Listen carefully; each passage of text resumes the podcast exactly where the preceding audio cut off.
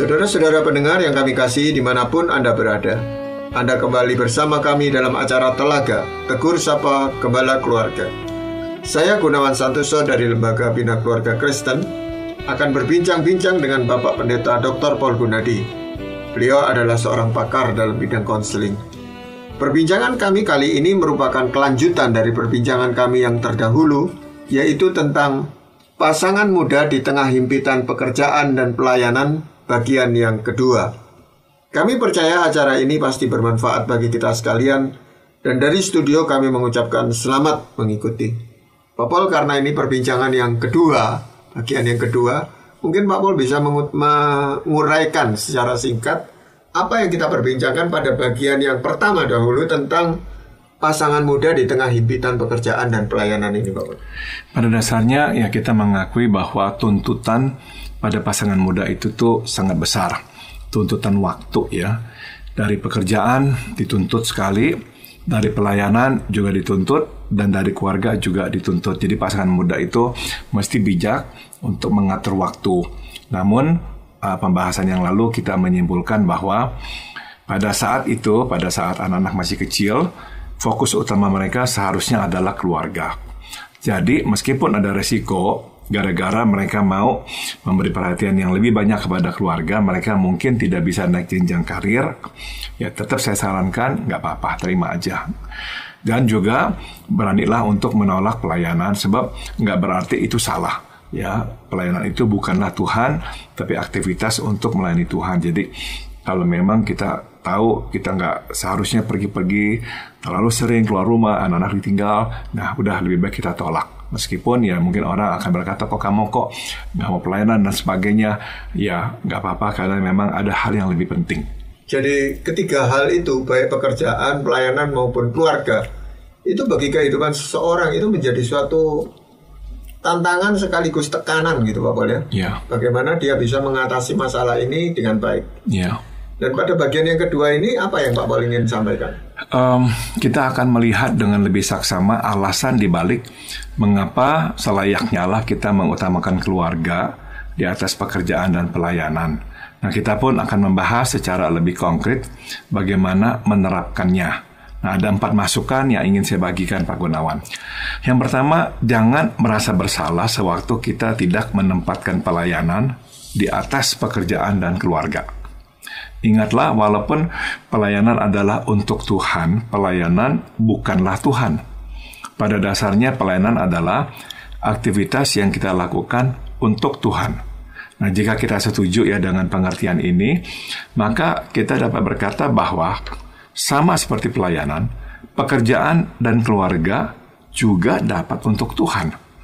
Ya, kalau pasal 3 ayat 23 menegaskan, apa pun juga yang kamu perbuat, Perbuatlah dengan segenap hatimu seperti untuk Tuhan dan bukan untuk manusia. Nah, dari ayat ini dapat kita simpulkan bahwa sesungguhnya apa pun kerjaan, pelayanan atau keluarga bisa menjadi persembahan kita kepada Tuhan. Nah, menurut saya inilah paradigma atau cara pandang yang tepat ya, yaitu melihat apa pun yang kita lakukan sebagai persembahan untuk Tuhan cara pandang yang menyamakan pelayanan dengan Tuhan sendiri atau satu-satunya wujud persembahan untuk Tuhan tidaklah tepat. Cara pandang yang tidak tepat inilah yang dengan mudah dapat membuat kita merasa bersalah bila kita tidak mengutamakan pelayanan di atas segalanya. Ya, tetapi ayat ini juga sering kali digunakan untuk menghindari panggilan pelayanan gitu, Bapak.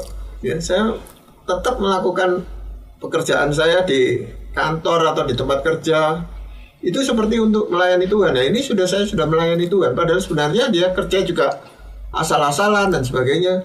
Hanya ya. untuk berdalih aja, menghindari diri dari tuntutan pelayanan yang sebenarnya. Betul. Ini bagaimana Pak? Memang akhirnya terpulang pada diri sendiri Pak Gunawan. Kita yang masih menyadari ya motif kita uh, waktu menolak pelayanan. Sebab ada orang yang memang menolak pelayanan karena males, karena nggak mau membuang memberikan waktu tambahan dan karena hanya memikirkan diri sendiri ada. Terus kemudian menggunakan ayat firman Tuhan untuk membenarkan sikapnya itu. Nah, jadi kita mesti mengenal diri kita dengan baik. Nah, saya berharap ya kita uh, uh, bisa mengerti ya apa tuh motif kita. Dan kalau memang motif kita jelas, kita bukannya menolak, bukannya nggak mau melayani Tuhan, tapi benar-benar kita saat ini nggak sanggup ya, tuntutan kita ini terlalu berat ya, kita harus berikan waktu untuk uh, keluarga kita. Nah, saya kira ya nggak apa-apa, dan Tuhan juga akan mengerti. Tuhan nggak akan marah gara-gara kita menolak untuk terlibat dalam gereja. Iya, seperti itu tadi di keluarga gitu boleh. Waktu anak-anak masih kecil kita ditawari pelayanan kita sering kali berkata itu anak-anakku masih kecil lebih membutuhkan aku gitu. Nah nanti ketika anak-anak sudah mulai agak besar ya tetap alasan itu yang digunakan. Bahkan sampai selesai kuliah pun ya kita tetap mengatakan anak-anak masih membutuhkan biaya dan saya mesti bekerja untuk itu sehingga tidak bisa pelayanan. Nah ini yang sering kali membuat gereja itu lebih memberikan tekanan yang kuat supaya jemaatnya itu mau melayani. Karena kapan pun dia selalu punya alasan untuk tidak melayani. Betul. Jadi ya perlu keseimbangan, tapi ini sekali lagi terpulang pada diri sendiri ya. Kita mesti mengetahui apa motif yang tersembunyi. Sebab kalau motif kita memang kurang baik, ya udah Tuhan tahu kok. Kita akan bisa menolak. Terus apa yang uh, orang meminta kita melakukan ini itu kita selalu ada aja dalil lah untuk berkata nggak bisa. Ya, jadi kita mesti memang menguji motif kita. Jangan sampai akhirnya motif karena ingin egois, nggak mau susah, nggak mau repot, itu yang menjadi pendorong kenapa kita menolak pelayanan. Iya, dan pelayanan itu kan sesuatu ucapan syukur dari kita sebenarnya Pak Boleh. Jadi kalau memang seseorang itu tidak merasakan sesuatu yang mendasar untuk dia bersyukur, ya memang sulit untuk untuk terlibat di dalam pelayanan itu. Alasannya pasti nemu aja. Betul. Ya, jadi kita juga mesti menyadari bahwa pelayanan itu mengharuskan kita untuk berkorban. Sedikit banyak kita harus berkorban. Jadi nggak ada tuh yang sama sekali itu nggak berkorban. Dan memang nilai dari pelayanan itu bergantung sekali pada berapa besarnya kita berkorban. Namun ya kita juga mesti menjaga, memagari keluarga kita. Jangan sampai yang menjadi korban adalah anak-anak kita. Uh, yang kedua apa Pak? Uh, masukan kedua yang ingin saya bagikan adalah kita mesti siap membayar harga tatkala menetapkan keluarga di atas pekerjaan. Sebagaimana telah dibahas ya, untuk dapat naik tangga karir kita mesti bersedia menyediakan lebih banyak waktu. Kita akan harus pulang lebih malam dan tidak jarang malah tidak pulang karena harus travel keluar kota. Bila kita tidak bersedia melakukannya, maka kita mesti siap menanggung risiko yaitu karir kita akan mandek. Nah, jika kita setuju ya bahwa pada masa anak kecil kita harus mengutamakan keluarga di atas pekerjaan dan pelayanan, maka selayaknya lah kita bersedia untuk melepaskan kesempatan naik tangga karir pula. Singkat kata, selama kebutuhan keluarga terpenuhi, kita rela, rela untuk tidak naik pangkat sampai nanti waktunya lebih mengizinkan. Nah, sudah tentu ya, memang pilihan ini mengharuskan kita, suami dan istri, sehati sepikir. Nah, ini nggak mudah dan kerap menjadi sumber pertikaian. Mungkin kita bersedia melepaskan kesempatan naik tangga karir, tapi pasangan tidak bersedia, atau sebaliknya. Kita tidak bersedia melepaskan kesempatan naik tangga karir, sedang pasangan bersedia dan terus mendesak kita untuk melakukannya. Nah, jadi langkah pertama adalah kita mesti sepakat terlebih dahulu, suami istri. Bila kita tidak sampai pada kesepakatan, mungkin ada baiknya kita mencari pertolongan dari seorang hamba Tuhan atau seorang konselor. Nah, kalau kita bertanya ya apa sih penyebabnya? Kok sulit ya untuk menyelaraskan pendapat? Nah, adalah karena sering kali kita berbeda pandang akan apa yang menjadi kebutuhan Pak Gunawan. Mungkin buat kita yang bersedia melepaskan kesempatan naik tangga karir, menyekolahkan anak di sekolah biasa yang tidak ternama tidak apa-apa. Namun bagi pasangan itu adalah suatu kesalahan. Mungkin baginya kewajiban orang tua adalah memberi yang terbaik kepada anak dan menyekolahkan anak di sekolah yang ternama yang biasanya bermutu baik adalah bagian dari memberi yang terbaik kepada anak atau bagi pasangan tidak apa kita tinggal di rumah yang kecil dan hidup irit asal masih berkecukupan. Nah, sedang bagi kita tidak ada salahnya beli rumah yang lebih besar supaya kita lebih dapat menikmati hidup. Nah, jadi kita bisa lihat di sini Pak Gunawan nggak mudah menyatukan pandangan. Ya, jadi apa yang mesti kita perbuat bila kita tidak berhasil mencapai kesepakatan. Nah, saya sarankan pada akhirnya salah satu pihak mesti mengalah. Namun secara berkala, masalah ini mesti diangkat kembali. Dengan kata lain, kita setuju untuk mengikuti kehendak pasangan dengan catatan masalah ini dikaji ulang. Misalkan dalam waktu setahun. Sepanjang waktu itu dengan hati terbuka, kita pun ya terus berdoa meminta pimpinan Roh Kudus. Iya. Saya rasa hal-hal seperti ini sebenarnya itu harus dibicarakan sebelum mereka itu terikat dalam pernikahan gitu Bapak. Kemungkinan-kemungkinan itu kan kita sudah tahu tuh ada. Jadi ini sebenarnya diungkapkan aja sebelum pernikahan. Jadi di situ sudah tidak sepakat rasanya agak sulit kalau sudah ya. menikah itu sampai mencapai kesepakatan karena masing-masing sudah terikat gitu. Ya, betul sekali. Sebaiknya memang ini dibicarakan sebelum kita menikah, sehingga memang kalau kita tahu kita begitu berbeda, ya jangan diteruskan ya. Daripada nanti diteruskan, akhirnya ya terus menerus nggak sepakat, akhirnya konflik dan muncullah ketidakpuasan. Jadi betul sekali. Uh, tapi ya kita juga bisa maklumi sering kali orang pada masa berpacaran berpikir itu ya secara praktis dan ya, gampang. Nanti akan bisa diselesaikan betul. setelah mereka menikah. Betul. Padahal setelah menikah masalahnya tambah besar. Betul, betul. Jadi akhirnya ya tetap aja nggak bisa sampai pada kesepakatan. Tapi memang nggak gampang Pak Gunawan sebab sekali lagi itu sering kali bergantung pada apa definisi kita tentang kebutuhan. Buat pasangan ini kebutuhan, buat kita nggak sebaliknya juga sama. Jadi akhirnya yang satu rela untuk udah udah nggak apa-apa nggak naik tangga karir, yang satu nggak terima. Yeah. Belum lagi kalau nanti yang satu akan berkata, kamu kok males, kamu kok nggak ada sama sekali itu ambisi untuk meningkatkan taraf kehidupan. Jadi akhirnya persoalan tambah rumit lagi. Padahalnya yang nggak mau naik tangga karir mau memilih keluarga di atas karirnya dulu. Jadi memang nggak mudah kalau nggak ada kesepakatan di sini. Iya, dan terutama uh, dengan teman-temannya gitu. Dia melihat suami dari temannya itu karirnya bisa meningkat cepat lah. Ini suaminya pasif sekali gitu dengan dalih apa mau memperhatikan keluarga padahal si istri ini menuntut supaya suami ini berkarya dengan lebih sungguh-sungguh lagi gitu pak Betul, betul.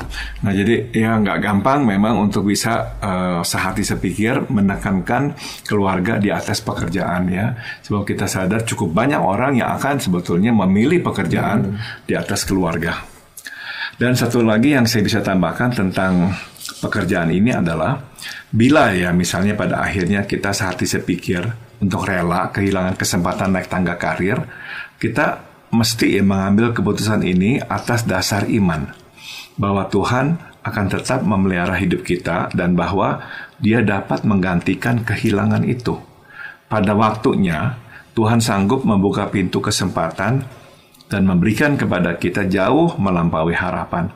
Nah, kita tahu bahwa keputusan ini benar dan bijak, dan bahwa jika kita memaksakan kehendak, kalaupun kita terus naik tangga karir, keputusan ini akan merugikan, bahkan mungkin menimbulkan bencana yang besar buat keluarga di kemudian hari. Ya, maka kadang kita berjumpa dengan orang yang menyesali keputusannya itu, Pak Gunawan. Kenapa dulu saya kok nggak mengerem diri. Kenapa kok saya terus aja terima tantangan-tantangan di pekerjaan? Akhirnya saya melanta, uh, melalaikan keluarga saya. Dan itu dampaknya luas sekali gitu Pak Paul ya. Bisa kehancuran keluarga dan dia tidak bisa memperbaiki keputusan yang keliru yang pernah diambil di masa lalu itu. Ya. Dia hanya bisa menyesalinya saja. Gitu. Betul, betul. Ya, jadi memang nggak gampang ya. Tapi kalau kita akhirnya sepakat ya udah kita terima deh ya kita nggak bisa naik tangga karir sementara ini hidup kita lebih pas-pasan tapi ya kita percayakan hidup kita pada Tuhan kita percaya Tuhan itu akan dapat memelihara kita. Meskipun ya kita akan cukup pas-pasan. Ya makanya bukan hanya dibutuhkan kesehatian tetapi imannya itu harus memang apa sama gitu Pak Paul ya. Dalam hal ini memang mereka seiman betul-betul berserah kepada Tuhan untuk kehidupannya betul. Nah, hal yang ketiga yang ingin Bapak sampaikan apa? Walau kita tidak dapat secara aktif terlibat dalam pelayanan gerejawi, kita tetap dapat terlibat dalam pelayanan di luar gereja, yakni melayani sesama kita manusia. Mungkin misalnya ya, kita dapat berkawan dengan rekan sepekerjaan dan lewat pertemanan ini Tuhan memakai kita untuk menjadi dutanya kepada mereka. Atau mungkin kita bisa menolong sanak saudara atau kerabat yang sedang mengalami masalah. Nah, sebagaimana dapat kita lihat, ada begitu banyak hal yang dapat kita lakukan di luar gereja untuk menjadi saluran berkat dan kasih karunia Yesus Tuhan kita. Pada saatnya, bila anak-anak sudah lebih besar, nah barulah kita mulai melibatkan diri dalam pelayanan gerejawi. Memang pelayanan yang bisa dilakukan pada saat-saat seperti itu ya dukungan doa, misalnya dukungan dana gitu. Betul. Tetapi untuk daya, untuk tenaga itu mungkin belum bisa kita lakukan secara maksimal gitu Bapak. Iya. Tetapi bentuk pengorbanan itu harus nyata gitu. Iya. Ya jadi bukannya kita ini egois sama sekali nggak mau berkorban enggak ya, tapi kita memang mau menyeimbangkan ya dan membagi waktu dengan bijaksana. Itu sebab meskipun kita nggak bisa terlibat dalam pelayanan gerejawi, nah kita tetap terlibat dalam pelayanan di luar gereja ya dengan cara-cara yang tadi saya sudah singgung, berteman dengan rekan-rekan di tempat pekerjaan, ngobrol dengan mereka. Nah siapa tahu Tuhan bukakan pintu, kita bisa ya mengenalkan mereka kepada kasih karunia Tuhan kita Yesus. Nah jadi lewat semua itulah kita tetap sebetulnya melayani Tuhan. Ya dan ini Bapak, apa kita perlu memang terus-menerus memotivasi diri kita sendiri meminta pelayanan yang Tuhan berikan. Kalau ya. kita minta Tuhan bukakan pintu untuk saya bisa melayani, pasti Tuhan akan membukakan jalan, memberikan jalan kepada kita untuk pelayanan itu gitu Bapak. Betul. Misalkan yang sederhana tapi juga sangat penting adalah mengantar jemput orang hmm. ya ada orang tua yang nggak bisa lagi jalan sendiri pergi sendiri nah kita kebetulan ya nggak gitu jauh rumahnya kita tawarkan udah yeah. pergi dengan kami kami jemput kami antar pulang nah itu adalah bentuk pelayanan kita juga ya meskipun nggak terlalu banyak yang kita kerjakan tapi itu tetap adalah hal yang penting dan baik iya yeah. Jadi pengertian tentang pelayanan ini memang, memang perlu kita sadari apa sih sebenarnya pelayanan itu gitu Pak Paul. Betul. Apakah masih ada lagi hal yang ingin Pak Paul sampaikan? Yang keempat dan terakhir, sebagai pasangan muda kita perlu memupuk relasi pernikahan dan harus giat menghilangkan dalam tanda kutip hama yang merusak relasi. Dan itu hanya dimungkinkan bila kita memberi waktu untuk keluarga relasi atau secara tepatnya keharmonisan menuntut waktu yang tidak sedikit. Kita tidak dapat membangun keharmonisan, apalagi keintiman, dalam waktu sekejap. Itu sebab kita harus menyediakan waktu yang cukup. Bila kita terlalu sibuk dalam pekerjaan dan pelayanan, kita tidak akan dapat membangun relasi yang kokoh. Nah, jadi ini kita nggak boleh lupakan Pak Gunawan ya bahwa untuk bisa membangun keharmonisan dan keintiman itu sungguh-sungguh memang diperlukan waktu. Nah kalau kita akhirnya harus memberikan waktunya untuk hal-hal yang lain di luar, nggak bisa nggak tuh kita nggak akan cukup waktu untuk membangun keharmonisan dan juga keintiman. Nantinya sering kali itu masalah muncul di kemudian hari. Ya, karena kita memang nggak sempat membangun keharmonisan dan keintiman di awal-awal pernikahan kita. Nah, waktu nanti muncul, biasanya masalah udah lebih berat. Gitu. Nah, uh, selain itu ada satu hal lagi yang saya mau angkat, yaitu pelayanan atau lebih tepatnya posisi dalam pelayanan akan menyulitkan kita menghadapi dan menyelesaikan masalah karena kita kadung sudah dikenal sebagai pemimpin dalam pelayanan. Ya, posisi sebagai pemimpin rohani dan dikenal sebagai orang yang rohani akan mengikat dan mengurangi kebebasan kita menjadi diri apa adanya dalam hal ini sebagai pasangan yang tidak sempurna. Sebaliknya, kita akan merasakan tuntutan untuk menjadi pasangan yang sempurna. Nah, ini berbahaya sebab kita tidak sempurna dan sebagai pasangan muda kita justru mempunyai banyak pekerjaan rumah. Tapi karena udah kadung dikenal sebagai pimpinan, sebagai kepala ini, kepala itu, jabatan-jabatan uh, dalam pelayanan, nah akhirnya kita nggak berani untuk terus terang untuk berkata bahwa saya sebetulnya ini punya banyak tantangan dalam keluarga saya. Nah, jadi kadang-kadang tuh justru karena kita terlibat dan mempunyai posisi dalam pelayanan, itu malah tuh menyulitkan kita untuk menyelesaikan masalah kita sendiri. Kita mau cari hamba Tuhan untuk cerita masalah kita, kita malu. Karena kita rasa, aduh, dia udah percaya sama kita, dia menyerahkan ini pelayanan kepada kita, kita menjadi ini itu karena dia nilai kita baik. Nah, walaupun kita tahu kita perlu bantuannya, kita lagi ada masalah yang besar, tapi karena udah kadung dianggap seperti itu sebaik itu, akhirnya kita nggak berani ngomong Pak Gunawan, kita simpen aja masalah.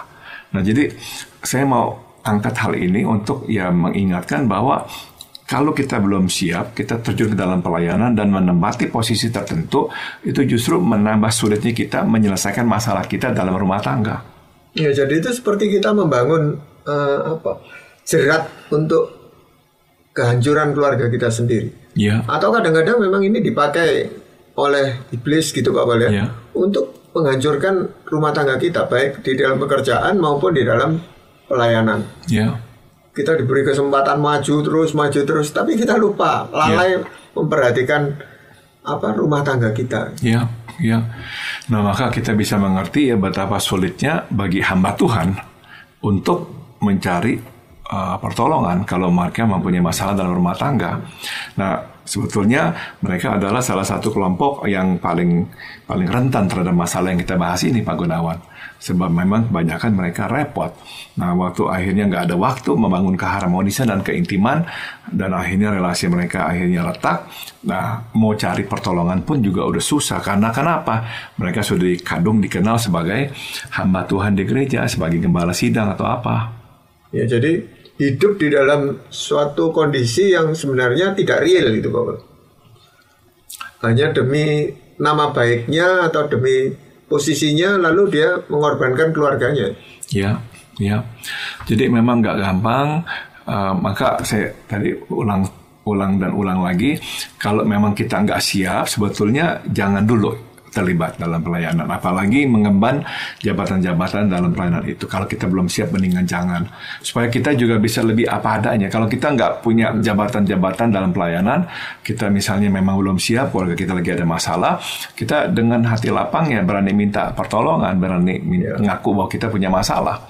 Dan akhirnya kita justru mendapatkan pertolongan yang kita butuhkan itu. Ya karena jabatan itu sendiri, baik di pekerjaan maupun di dalam pelayanan, itu sendiri sudah menjadi beban itu buat kita itu.